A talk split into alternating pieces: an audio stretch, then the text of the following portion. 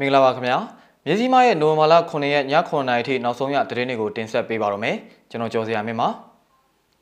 မြစ်သားမြို့နယ်မင်းတဝယ်အရှိတ်တရားနီးမှာစစ်ကောင်စီရဲ့မိုင်းဆွဲခံရပြီးစစ်သား2ဦးတေဆုံးတဲ့တဲ့ရန်ကုန်မင်္ဂလာတုံလေတက်လုံညိုရေးဂိတ်ပြစ်ခတ်ခံရပြီးလေတပ်သား2ဦးတေဆုံးတဲ့တဲ့စာတင်ကျောင်းတွေကိုဘုံခွဲမှုတွေမလုပ်ဘူးလို့မွန်ပြည်နယ် PDF ထုတ်ပြန်တဲ့တဲ့နဲ့ တောင်ကိုရီးယားမှာရှိတဲ့မြန်မာစစ်တမ်းရုံးရှိမှာဆီယနာသိမ်းမှုကိုစန့်ကျင်တဲ့ဆန္ဒပြပွဲပြုလုပ်တဲ့တဲ့အစရှိတဲ့သတင်းတွေကိုတင်ဆက်ပေးပါရမယ်ခင်ဗျာမြစ်သားမြို့နယ်မြင်းတဝယ်အရှိတ်တရားအနီးမှာစစ်ကောင်စီရဲ့မိုင်းခွဲခံရပြီးစစ်သား2ဦးတေဆုံးတဲ့သတင်းကိုတင်ဆက်ပေးပါမယ်ပြီးခဲ့တဲ့နိုဝင်ဘာလ9ရက်ည10:00နာရီဝန်းကျင်မှာရခိုင်ကြီးတိုက်နယ်ပြည်လုံးအေးရွာမှာရှိတဲ့မိုင်းတဲတာဝါတိုင်းမိုင်းခွဲခံရပြီးနောက်အဲ့ဒီဖြစ်စဉ်ကိုလာရောက်စစ်ဆေးတဲ့စစ်ကောင်စီကားဟာမိုင်းခွဲတိုက်ခိုက်ခံခဲ့ရတာဖြစ်ပါတယ်။ ဒဏ်ရာရသူတွေကိုစစ်ကောင်စီတပ်ကရခိုင်ကြီးတိုက်နယ်စေယုံကိုခေါ်ဆောင်သွားခဲ့ပြီးတော့နိုဝင်ဘာလ6ရက်နေ့မှာတော့စစ်ကောင်စီတပ်သား2ဦးတေဆုံးသွားပြီးစေယုံမှာပဲအမိန့်စာပြန်လိုက်တယ်လို့သတင်းရင်းမြစ်ကပြောပါတယ်ရခိုင်ကြီးတိုက်နယ်စေယုံအတွင်းမှာလည်းစစ်ကောင်စီတပ်သားအင်အား90ခန့်တပ်ဆွဲထားပြီးတော့ပြည်လုံးအေးရွာဥက္ကဋ္ဌနဲ့ယာယီမှုကိုစင့်ခုံမေးမြန်းခဲ့လို့လည်းသိရပါတယ်။မိုင်းဆွဲခဲ့တဲ့လမ်းဟာကတ်တရလမ်းဖြစ်တာကြောင့်လမ်းပေါင်မှာမိုင်းဆွဲခဲ့ရပြီးစစ်ကောင်စီကားမှာအင်အား73ယောက်ပါရလို့သိရပါတယ်။ အဲ့ဒီဖောက်ခွဲမှုတွေကိုတော့ကြောက်စဲနဂနီပျောက်ကြားတပ်ဖွဲ့နဲ့အမည်မဖော်လိုတဲ့မြေပြင်တိုက်ခိုက်ရေးအဖွဲ့တို့ကလှုပ်ဆောင်ထားတာဖြစ်တယ်လို့ထုတ်ပြန်ထားပါတယ်။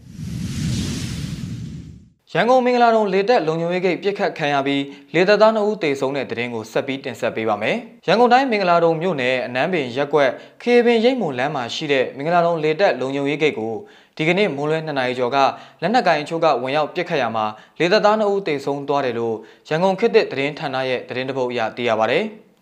ရန်ကုန်မြို့အခြေစိုက်မြေပြင်ကင်းနောက်သတင်းရင်းမြစ်ကလေတပ်လုံခြုံရေးဂိတ်အပြစ်ခံရမှုကြောင့်လေတပ်သား2ဦးတေဆုံးတယ်လို့ဆိုပေမဲ့ရန်ကုန်ခေတ်တစ်ကိုဆက်သွယ်လာတဲ့သတင်းရင်းမြစ်ကတော့လေတပ်သား2ဦးတေဆုံးပြီး2ဦးဒဏ်ရာရရှိတယ်လို့ပြောဆိုကြောင်းသိရပါဗျ။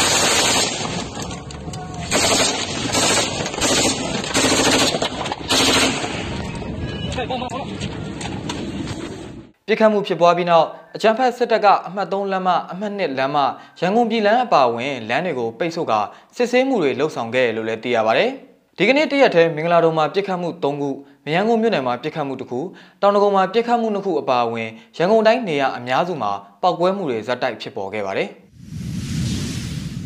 စာတင်ကျောင်းတွေကိုဘုံခွဲမှုတွေမလုပ်ဘူးလို့မွန်ပြည်နယ် PDF ထုတ်ပြန်တဲ့သတင်းကိုဆက်ပြီးတင်ဆက်ပေးကြပါမယ်။စစ်ကောင်စီကဖွင့်လှစ်တဲ့ဖက်စစ်ပညာရေးစနစ်ကိုတက်ရောက်ခြင်းမပြုရန်မွန်ပြည်နယ် PDF ကထုတ်ပြန်မှုပြုလုပ်ထားပေမဲ့စာတင်ကျောင်းဘုံခွဲခြင်းနဲ့အကြမ်းဖက်ခြင်းတွေကိုပြုလုပ်မှာမဟုတ်ဘူးလို့မွန်ပြည်နယ် PDF ကနိုဝင်ဘာလ9ရက်နေ့ကထပ်မံထုတ်ပြန်လိုက်ပါတယ်။ နိုဝင်ဘာလ9ရက်ညပိုင်းကမော်လမြိုင်မြို့ရွှေမြိုင်တီရီကျောင်းဝင်းတွင်ပောက်ကွဲမှုဖြစ်ပွားခဲ့ပြီးတော့အဲ့ဒီပောက်ကွဲမှုဟာ PDF အဖွဲ့အစည်းတွေနဲ့သက်ဆိုင်မှုမရှိကြောင်းစစ်ကောင်စီလက်အောက်ခံပြူစောထီးတွေရဲ့အကောက်ကြံရုံမှမှုသာဖြစ်ကြောင်းကိုမွန်ပြည်နယ် PDF ကပထမအကြိမ်ထုတ်ပြန်ထားခဲ့ပြီးဖြစ်ပါတယ်။အခုတစ်ကြိမ်ဟာမိဘပြည်သူတွေထံကိုဒုတိယအကြိမ်အနေနဲ့အတိပေးစာထပ်မံထုတ်ပြန်လိုက်တာဖြစ်ပြီး PDF အဖွဲ့အစည်းတွေဟာပြည်သူတွေမှပြည်သူတွေနဲ့ဖွဲ့စည်းထားတဲ့အဖွဲ့တွေဖြစ်တာကြောင့်ပြည်သူတွေရဲ့အကျိုးစီးပွားကိုပျက်စီးစေသောလုပ်ရက်တွေအသက်အန္တရာယ်ဖြစ်စေနိုင်တဲ့လုပ်ရက်တွေကိုမြည်သည့်အခါမှလှုံ့ဆော်သွားမှာမဟုတ်ကြောင်းလည်းထုတ်ပြန်ချက်မှာဖော်ပြထားပါတယ်။